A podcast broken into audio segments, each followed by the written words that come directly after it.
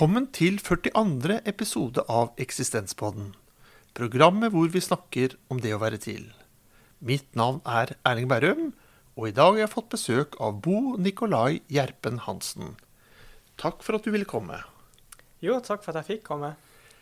Hvordan vil du kort beskrive deg selv?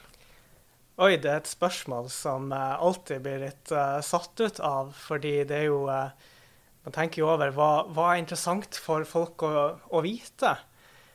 Ja, Det jeg kan si om meg sjøl, kan begynne med det typiske. mann, 32 år. jobber som organisasjonskonsulent, prosjektleder og prosjektmedarbeider, avhengig av kontekst i organisasjonen DNT Edru Livsstil. Og så er jeg veldig interessert i filosofi, psykologi. Engasjerer meg veldig mye for dyrs rettigheter. Og også for homosaken. Jeg er åpen homofil, og så er jeg veganer. Og alkoholfri, da. Jeg pleier i denne forbindelse ofte å si om gjesten kan nevne noe som er viktig å nevne om deg og ditt liv. Nå nevnte du ganske mye. Men hvis du skal velge ut av én ting i livet ditt, eller en episode eller en oppdagelse, erkjennelse, som du syns er viktig å kanskje understreke, hvilke vil du trekke fram da? Ja, jeg tror kanskje det er vel spesielt uh, to opplevelser som har betydd uh, mye for meg. Og kanskje litt negative opplevelser, egentlig, men som likevel har kommet noe godt ut av, vil jeg hevde. Og det var da jeg var ni år og den første katten min døde. Og uh, jeg var sønderknust over det. Og til dags dato så er dette det tristeste jeg har uh, opplevd. Men uh, det var det ikke så mye forståelse for, for det jeg fikk høre da, var at uh, dette er bare en katt, og bare vent til at et menneske dør. Det var nok et av mine første rystende møter med at det var noen forventninger til hvordan man skulle føle ting. Og nummer to var da jeg var elleve år og fant ut at jeg var homofil verdens undergang sto foran trappene. Fordi eh, dette var jo et skjellsord, og nå var jeg altså dette. Um, hvordan skulle jeg forholde meg til, til denne situasjonen, da? Så de to opplevelsene kanskje er eksempler på opplevelser som har gjort at jeg skjønner at man ikke ukritisk kan eller bør ta over samfunnets normer og forventninger til hvordan man bør føle rundt ting. Du har også blitt bedt om å velge ut en grunnleggende dimensjon ved det å være til som menneske. Og hva har du valgt som tema for dagens program? Ja, da har jeg valgt normer og eh, normbrudd og eh, forventningspress, kan du si. Altså under da overskriften normer, og så eh, de to andre ordene for å greie litt ut for hva jeg legger i det. Hva er viktig for deg å si i den sammenheng? Det er vel det at uh, vi uh, Jeg tror ikke vi kan unnslippe normer. ikke sant? Vi som mennesker vi er sosiale dyr. Vi lever i et samfunn hvor vi uunngåelig vil møte på normer, vi vil møte på forventninger. Og dette er jo til en viss grad kulturelt uh, betinget. Og så er det kanskje noen ting som går igjen mer sånn globalt. Men generelt tenker jeg at dette er noe man blir møtt med. Og noen er jo så heldige at normene er lett å forsone seg med, og at det passer en sjøl. Eh, mens for andre så er det ikke nødvendigvis det. Og eh, da står man jo overfor dette valget, hvis man har et valg, da, om man skal underkaste seg normen eh, og følge den, eller om man skal opp og ned og gå en annen vei og ta en annen kurs i, i livet. Men så er det også veldig viktig tenker at eh, det er ikke alltid vi er klar over normer. Og vi har nok alle internalisert mange normer som vi ikke tenker over engang. For det er jo nettopp disse møtene når det blir, når det blir et krasj, når det blir ubehagelig for oss å etterleve normene, at vi kanskje blir klar over dem. Eller at noen forteller oss om, at, uh, om dette, eller at, vi, eller at, vi, er litt søkende og vi, vi leser oss opp og undersøker forskjellige temaer, og så da finner ut at uh, her er det en liten konflikt mellom noen som er ubekvemme med, med en bestemt norm eller forventning i, i, samfunnet. da. Og så tenker vi kanskje oi, er dette en forventning? Ja, dette er det visst, men man har tenkt på det som en selvfølgelighet. For det er jo det som kanskje ligger i normenes natur, at det oppleves som en selvfølge. Det, det er det forventede. Tenker du at det kan være flere normer som opererer samtidig, og som kan være forskjellige fra hverandre? Litt avhengig av hvilket miljø det vandrer i? Ja, absolutt. Jeg tenker jo f.eks. når det gjelder dette med natur, tenkte jeg over f.eks. At vi har i Norge en sterk forkjærlighet for naturen. Og jeg tenkte jo veldig over at, eh, at jeg sjøl på mange felt eh, bryter eh, med en del normer. Og så tenkte jeg over er det noen normer som jeg på en måte har utvetydig omfavnet. Og da er det nettopp dette med kjærligheten til naturen som ligger litt i den norske kulturen, vil jeg si.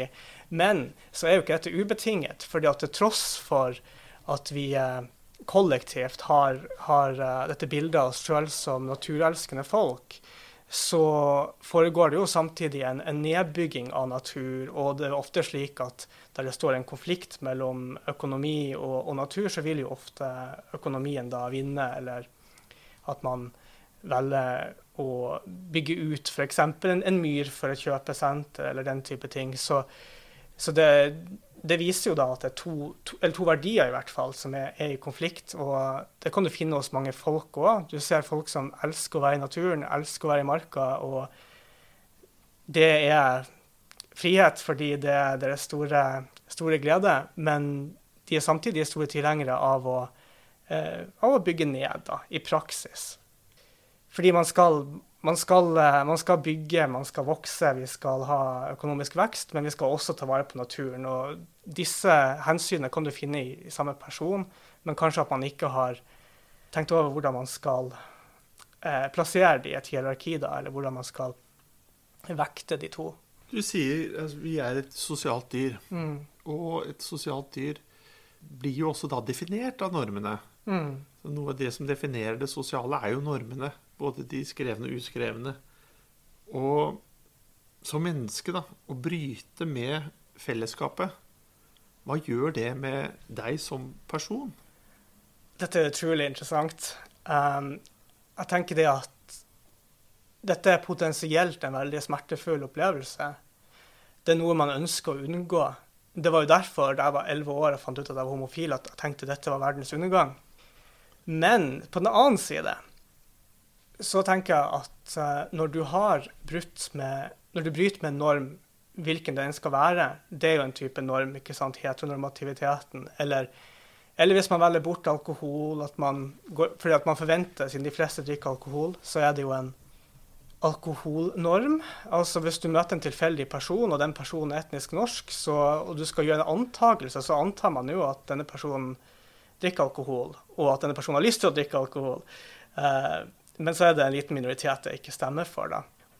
Litt implisitt i det du sier, så ligger det også en aksept av normsituasjonen, da. Mm. Av at du tilhører et mindretall, og slik vil det være videre. Mm. Og at det vil være et flertall som også bare vil vedvare.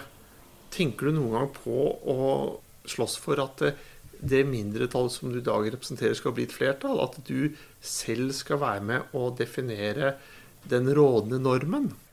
Ja, absolutt. Og spesielt tidligere. Jeg husker da, um, da jeg først ble veganer for en god del år siden. Så, og det er fortsatt viktig for meg å prøve å spre, spre budskapet og gjøre folk bevisst. fordi, og da, da, tenker jeg ikke bare på det å få gjennomslag eller, eller redefinere normene i samfunnet, men også det at folk skal ta et bevisst og informert valg. Fordi det som ofte skjer med når man har omfavnet norm i samfunnet, er jo kanskje at man ikke har reflektert. Ikke nødvendigvis, men jeg tenker at når det er snakk om den type valg altså Det er jo forskjell på, på ulike normbrudd.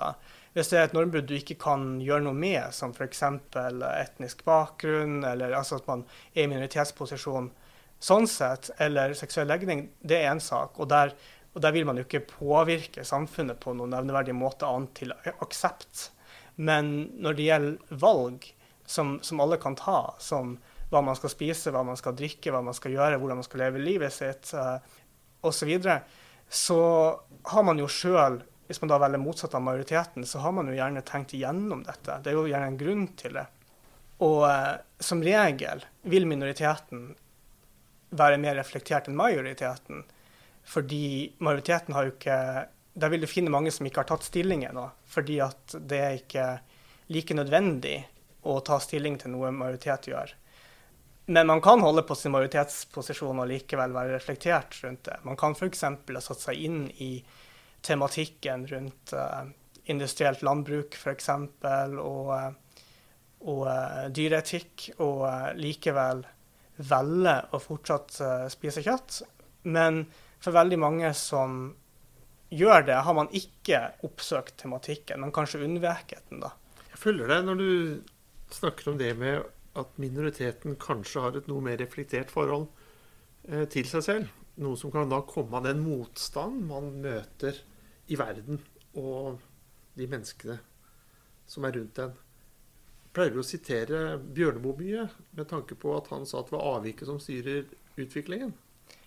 Jeg har ikke, jeg har ikke eh, gjort det noe særlig, men det er definitivt, en, eh, det er definitivt et sitat som eh, vekker gjenklang. Mm.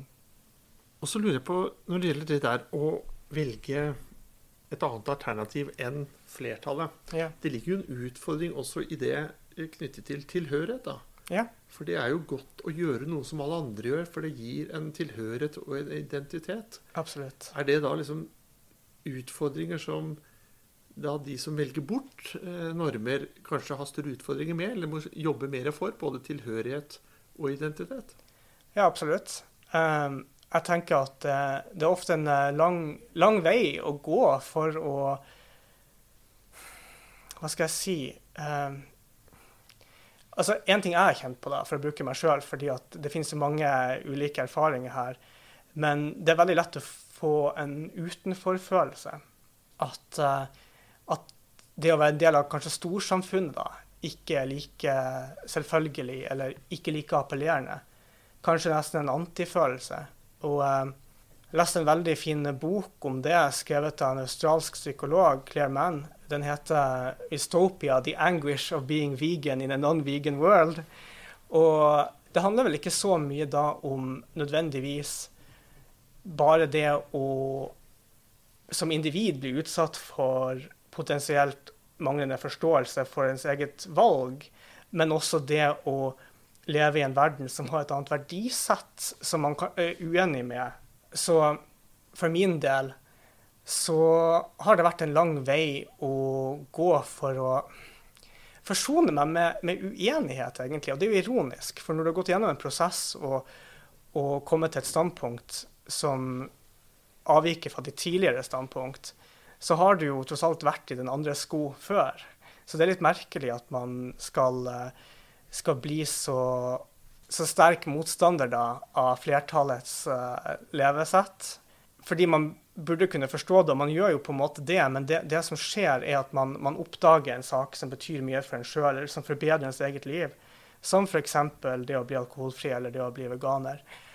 Og så skal man ut og fortelle folk om det. Man tenker at folk, i hvert fall som man er veldig ung, så tenker man at dette skal andre bli glad for, fordi at nå skal man ut og forbedre livene deres, og nå skal vi sammen dra lasset for en bedre verden, ikke sant? Eller for, for, at vi alle skal få en bedre helse, eller hva det skal være.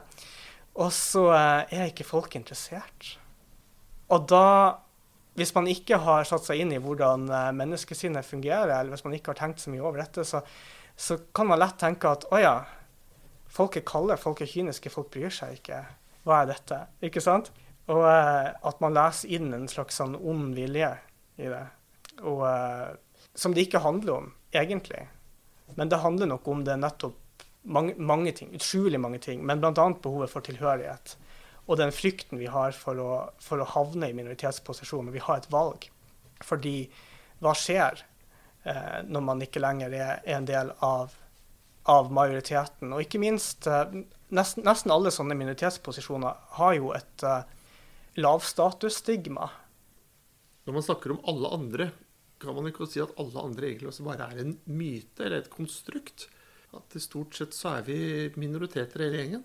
Mm. Hva tenker du om det? Jo, altså jeg tenker jo at um, den minste minoriteten er individet. um, og det, det, tror jeg er veldig viktig å også egentlig holde fast ved. fordi én ting er er jo kjempetilhenger av mange sånne bevegelser for, uh, for økt aksept og rettighet for utsatte grupper. Men samtidig så tar jeg meg og tenker veldig ofte at det er så mye som blir oversett, for det, det er helt spesielle, det er helt sånn unike, som du kanskje finner hos bare én person. Det som ikke kan ismes, som jeg bruker å si. Altså, det er vanskelig å isme noe som bare gjelder for et individ. Altså det å gjøre noe til en ideologi som, som uh, ikke er for så mange. Men dette kan være like viktig for, for det individet som, uh, som, det en større gruppe har å fortelle eller kan, kan komme frem med. Og så tenker jeg jo at hvis vi hadde, hatt, hvis vi hadde fått en ny norm i kulturen, da, på at vi var litt eh, kanskje tilbakeholdne og stilte spørsmål og var litt åpne for hverandre og lurte på hva gjelder for deg, hvordan gjør du det, hva er din posisjon? Kan en måte å gjøre det på være å være kritisk til veldig mye av den gruppetenkningen og gruppeidentiteten som da forekommer, og heller ha en individorientering? Jeg husker når jeg studerte sosiologi, så var jeg på en forelesning om kjønnsforskning. Og lærte mye fra innledningsordene til foredragsholder, som sa at det er eh, større forskjell mellom kvinner enn det er mellom kvinner og menn, og motsatt. Fordi det er liksom individet som er forskjellen. Og vil ikke det å på en måte hegne om individet eh, også være et forsvar for minoriteter? Jo, det, det har vært min eh, tanke, og er fortsatt uh, det. Og jeg tenker, tenker, egentlig at hvis det hadde ligget i bunnen, og hvis vi hadde omfavnet det og holdt det opp som et, et prinsipp, uh, og virkelig klart å etterleve det, så hadde vi sluppet å ta hver bidige, hver bidige sånn kamp. Og det tar jo lang tid fra, fra man blir obs på en urett i samfunnet eller en form for diskriminering, og til at man får en vesentlig endring. Det tar typisk flere tiår. ikke sant? Og det hadde vært så fint om man bare kunne sluppet å gå gjennom sak etter sak etter sak, og bare fått den uh, hva skal jeg si, frigjøringen en gang for alle. At, uh, at alle har en rett til å være til, og alle har en rett til å være den de er. Og så at man slipper å slipper å ta det samme på nytt. For jeg ser jo så mange likheter da mellom kvinners frigjøring, homofiles frigjøring. ikke sant? Og jeg vil jo også si eh, kampen for dyrs rettigheter der også. ikke sant? Og ja, hvis man, hvis man bare kunne hatt som, hatt som norm f.eks. Altså individet uavhengig av alle gruppetilhørigheter, altså individets da krenkelighet, eller rett til liv. Rett til liv og livsutfoldelse. Normbrudd handler også om å bli bedre kjent med omgivelsene og verden. Hva har normbrudd lært deg om verden? Normbrudd har vel lært meg at verden både kan være mer uaksepterende og mer aksepterende enn man kunne forvente. Disse tingene har alternert, som f.eks. da jeg kom ut av skapet som homofil, så var det noen negative reaksjoner på det. Og på den tiden så var det også mye debatt. Og jeg ble veldig skuffet og nærmest misantropisk i møte med en verden som ikke unnet homofile like rettigheter, og det innga en stor skuffelse.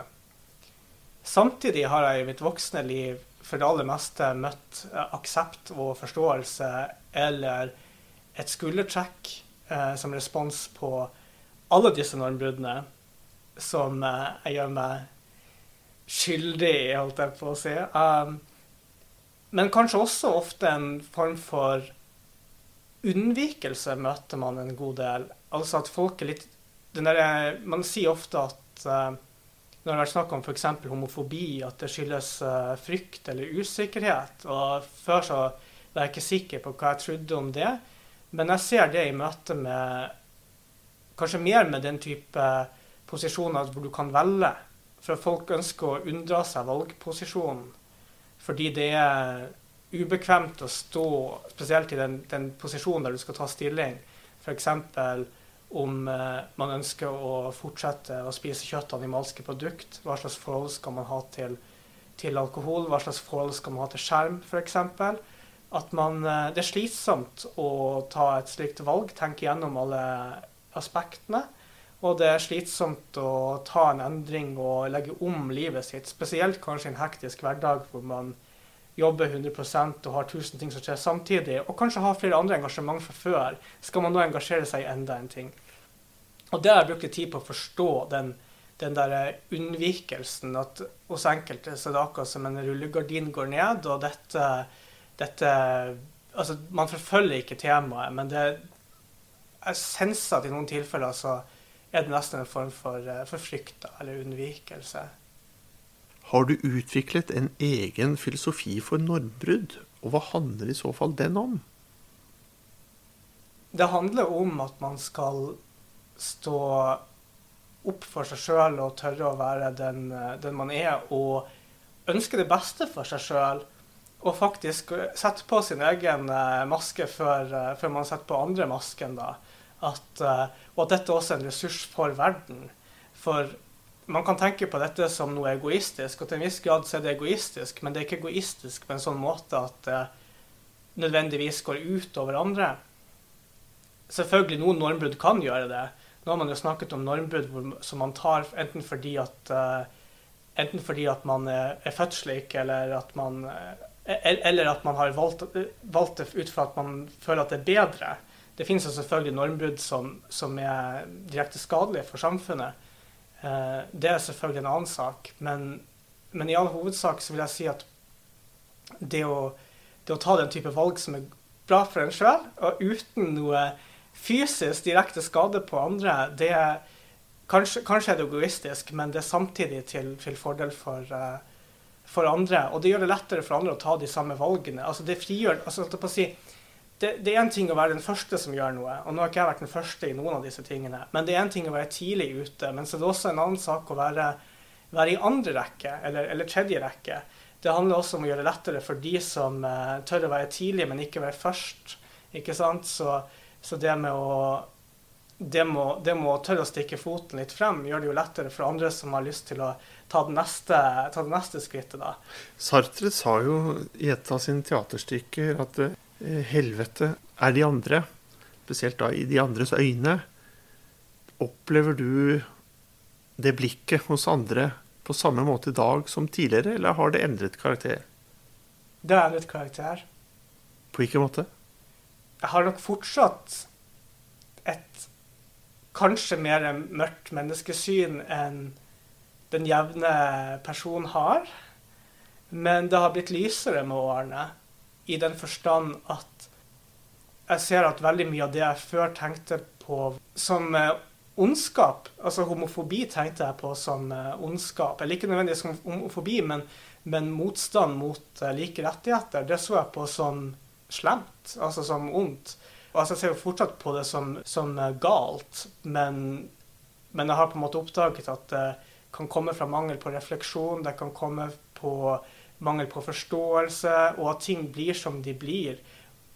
Og også en tanke jeg har om at vi, vi Nå har jeg lagt veldig mye fokus på dette med, dette med å ta valg, men det ironiske er at jeg samtidig ikke tror på at vi gjør helt frie valg. Jeg tror at vi kommer til punkt hvor uh, valget fortoner seg, men jeg tror ikke at vi er 100% autonome moralske geni. Så hvis man eh, f.eks.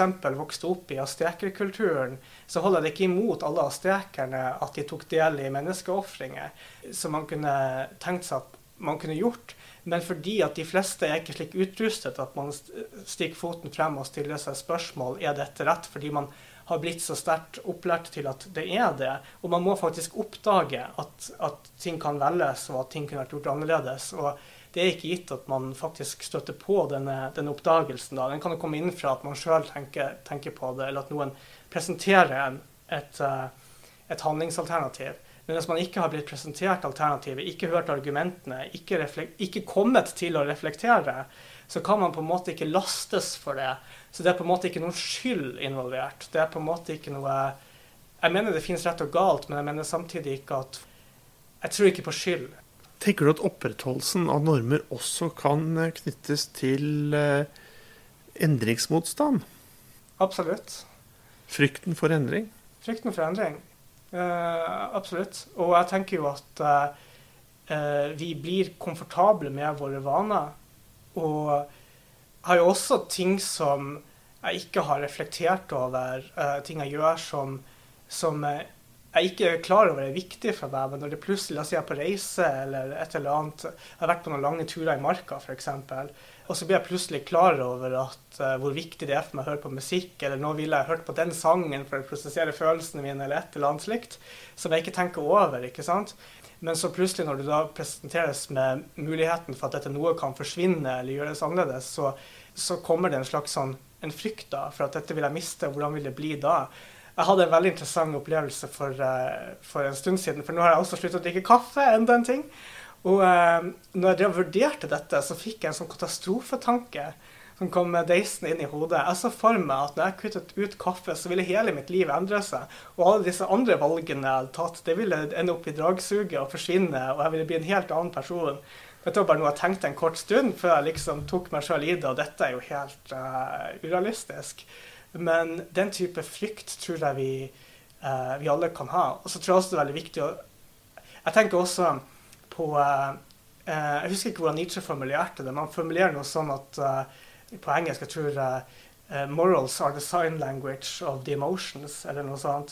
Sånn at moral er på en måte, og etikk og våre tanker rundt rett og galt er ofte noe som kommer fra en person som dette, dette resonnerer for emosjonelt. Og så får det på en måte slagkraft, holdt jeg på å si, på, eh, i, i, samfunnet, og andre tar, tar, det over, og det blir en delt uh, overbevisning. Og så passer dette da for noen, men ikke for andre. Sånn at til en viss grad så handler det jo også om kanskje makt. Altså om, uh, om, om hvem som får definere, og, og hva, som, hva, som, ligger der.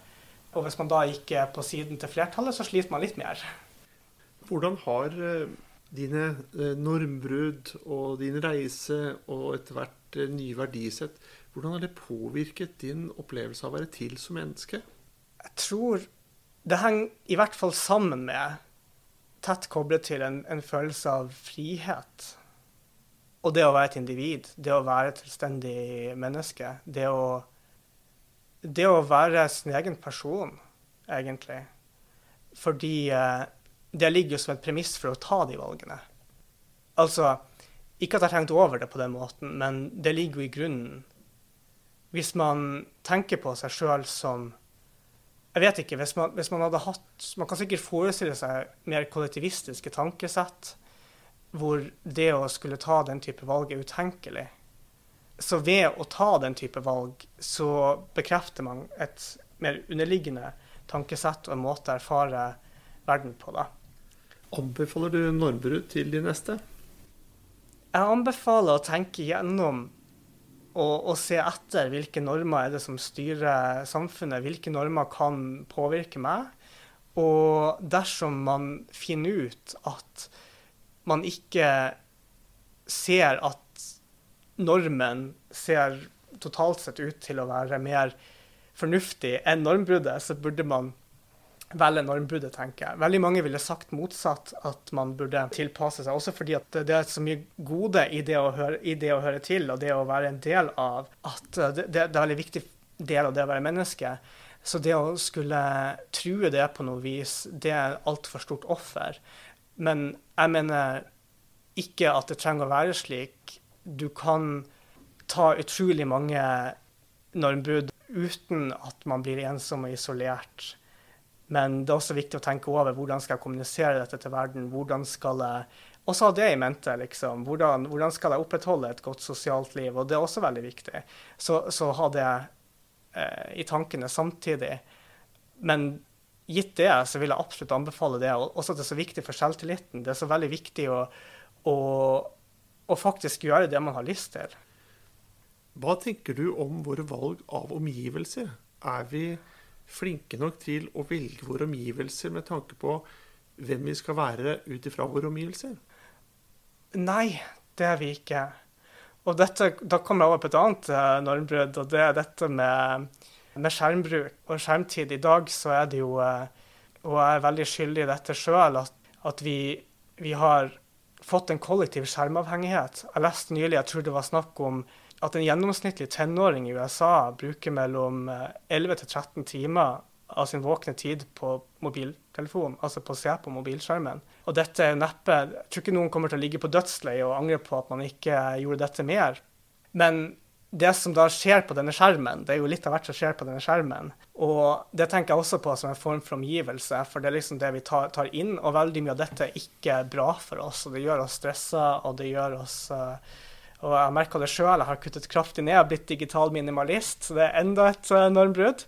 Uh, og merker stadig det, at uh, det forventes at man skal ha den og den appen, og man skal kunne være tilgjengelig på alle disse sosiale mediene, og når man da sier at man kun er på ett og bruker det lite, så blir folk nesten litt skeptiske. Er dette sant, liksom? Liv, er det en unnskyldning, ikke sant? Men, men, det er også en sånn form for Og kanskje det største problemet med dette, dette med omgivelser, da, og hvem vi vil være som personer. For dette former oss, ikke sant? Dette, det vi ser på den skjermen, det, det ender opp i vårt eget sinn. Altså, ja. Du viste meg rett før opptak en type telefon som ikke jeg har sett før. Kanskje du vil si noen ord om det? Ja. Jeg har jo da valgt å eh, begynne å bruke en eh, såkalt eh, dumtelefon, altså en ikke-smartphone. Og da har jeg fortsatt min gamle smartphone som en backup-løsning enn så lenge, men drømmer om å kassere den for godt. Og det eneste den telefonen har da, er jo mulighet for å ringe og sende tekstmelding. Og alarmkalkulator og podkast, for det kan man godt høre på. Og, og musikk. Avslutningsvis må jeg bare si at jeg opplever at du er en, en person, et menneske, som eh, Nietzsche sikkert ville omfavnet med tanke på han sa 'bli den du er'. Jeg opplever at du er flink til å hele tiden bli den du er, ved å ta aktive valg. Både normbrudd og andre valg, som er et aktivt valg om å forme seg selv og sin person. Har du noen eh, tips til noen av lytterne hvis de også skulle bli enda flinkere til å bli den de er? Hva vil du si til dem? Les Nietzsche. Jeg er veldig glad for eh, Det er veldig fint hvis eh, Nietzsche vil være begeistret, for jeg er begeistret for Nietzsche. En ting som har betydd mye for meg, er jo meditasjon. For det, det å rett og slett se hva jeg sjøl tenker, og det å være mer bevisst i, i hverdagen og, og, av og til se at oi, nå gjorde jeg dette. Dette gjorde jeg fordi at noen forventet det. Noen ganger så kan man kjenne på et sånn ubehag når man har eh, det at, Og det er noe jeg gjør noen gang. at uh, Legg merke til at jeg har gått over litt egne grenser. Jeg har gjort noe for å bli likt f.eks. en annen person. Men egentlig så var det ikke det jeg ville gjort hvis jeg var alene, eller, hvis, uh, eller det var ikke det jeg ville ønsket at den personen skulle ønsket av meg, holdt jeg på å si.